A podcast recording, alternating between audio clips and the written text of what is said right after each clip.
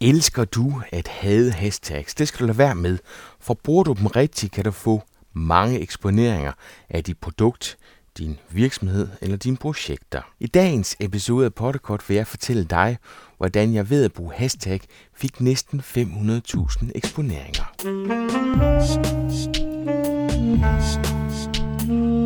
Velkommen til Potterkort, en podcast om markedsføring på internettet. Din vært er Ip Potter. Jeg har lovet at komme med en ny podcast hver søndag de næste mange uger frem.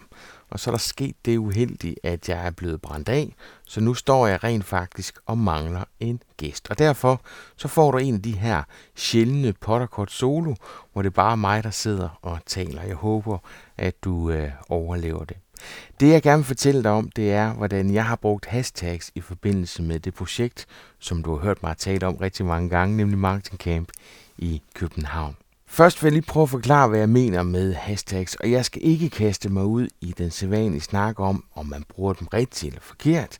Det er jo op til folk selv, hvordan de bruger dem, men jeg kan i hvert fald fortælle, hvordan jeg har brugt dem i forbindelse med Marketing Camp. Marketing Camp, jeg prøver hele tiden at markedsføre det på den ene eller den anden måde, men i virkeligheden, så er den bedste markedsføring, jeg kan få overhovedet, det er, når en af de 350 deltagere fortæller deres netværk, at de har været til marketing camp, og de synes, det var rigtig godt. Se, øh, der kan jeg jo godt læne mig tilbage, og så håbe på, at projektet er så godt, så folk de husker at fortælle alle de andre, at de har været til marketing camp, og det er det mest geniale i hele verden. Men øh, jeg kan også gøre det, at jeg sørger for at hjælpe folk med at huske dem på, at de skal sørge for at sprede det til deres netværk. Og der tænker jeg både Facebook, og jeg tænker LinkedIn, jeg tænker Twitter, Google+, I don't care. Bare de sørger for at sprede budskabet. Men for ligesom at gøre mig opmærksom på, at det her det kan lade sig gøre, så har jeg gjort rigtig meget ud af at markedsføre mit hashtag. Og hashtagget for Marketing Camp, det er så MC, som står for Marketing Camp. 15 for at have årstallet med. Og der ved jeg ikke rigtigt, om jeg har lavet en fejl. Det er godt være, jeg har det. Det er egentlig ikke væsentligt. Det er måske smart, at jeg bare altid brugt det samme hashtag, men nu har jeg taget årstallet med. Og så kobler jeg altid et DK på. Og det gør jeg, fordi da jeg gjorde det her tilbage i 2009, tror jeg, øh, med øh, det projekt, der hedder Digital Markedsføring, der kommer jeg til at skrive bare DM09, og det er åbenbart også navnet på et trommesæt. Så konkurrencen med trommesættet øh, var for stort. Så siden da, der har jeg altså altid sørget for at lige koble DK på, i håb om, at det bare forbliver øh, i, i Danmark og bliver lidt snæv på den måde. Ikke? Så er hashtagget på plads. Nu gælder det så om at markedsføre den. Og det gør jeg på websitet. Jeg gør det, når jeg sender en nyhedsmail ud. Jeg gør det, når jeg laver en opdatering på Twitter, en opdatering på Facebook, LinkedIn, Google+, whatever. Jeg bruger hele tiden hashtagget for ligesom at få den mejslet fast. Nu er det så heldigt, at til Marketing Camp, der har jeg også folk samlet i starten, så der gjorde jeg stort nummer ud af at fortælle, at hashtagget var til stede. Jeg lavede ovenkøbet sådan en, en lille workshop, hvor jeg gik ind og viste, hvordan man kan bruge Snapseed til at fede billeder på Instagram. Og så lavede jeg en konkurrence, hvor folk de kunne deltage i konkurrencen ved at bruge hashtagget i deres opdateringer. Det smarte ved hashtagget er jo, at det gælder for mig om at få alle de andre til at bruge deres netværk. Så når de laver en opdatering, jamen så rammer de jo væsentligt flere, fordi til sammen, der kommer de til at ramme rigtig mange.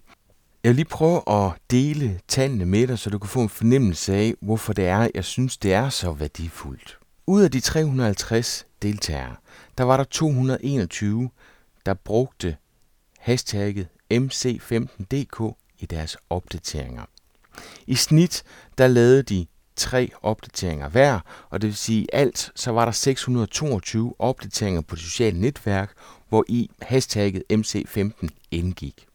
Potentielt set, altså hvis man går ind og kigger på, hvor mange followers de forskellige har, så kunne de her opdateringer have nået 140.000 forskellige mennesker.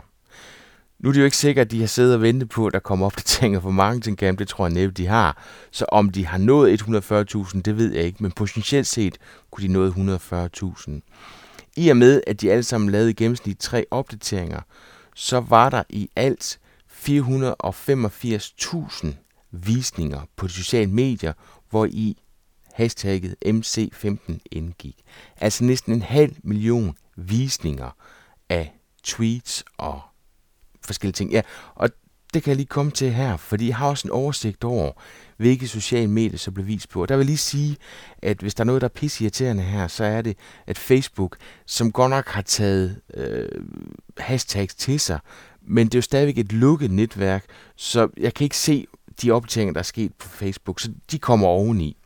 Men hvis jeg går ind og kigger her, så kommer 73% af de opdateringer, de foregik på Twitter, 19% var på Instagram, og resten er fordelt over YouTube, Periscope TV, og så nogle forskellige, øh, af DR.dk kan jeg også se, og så nogle øh, forskellige blogs, øh, hvor de blev brugt på.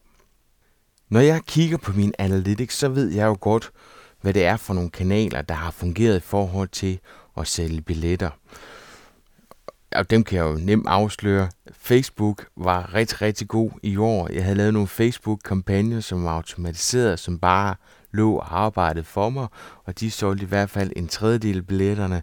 Den anden tredjedel, jeg fik solgt, var helt klar på min nyhedsmails. Det giver også lidt sig selv. Det er folk, som kender til projektet, og som har sagt, ja tak, for du godt sende mig en mail, når du ved, hvem det er, der kommer og taler til årets marketingcamp.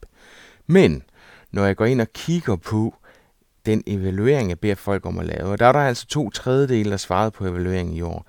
Der er det den kanal, som har solgt flest billetter, det er den, der hedder mund til mund. Og mund til mund betragter jeg meget som sådan en slags, man har hørt nogen tale om det. Det behøver ikke at være, fordi folk har sagt det, men i den grad, at man har hørt om nogen, der har været sted på de sociale medier.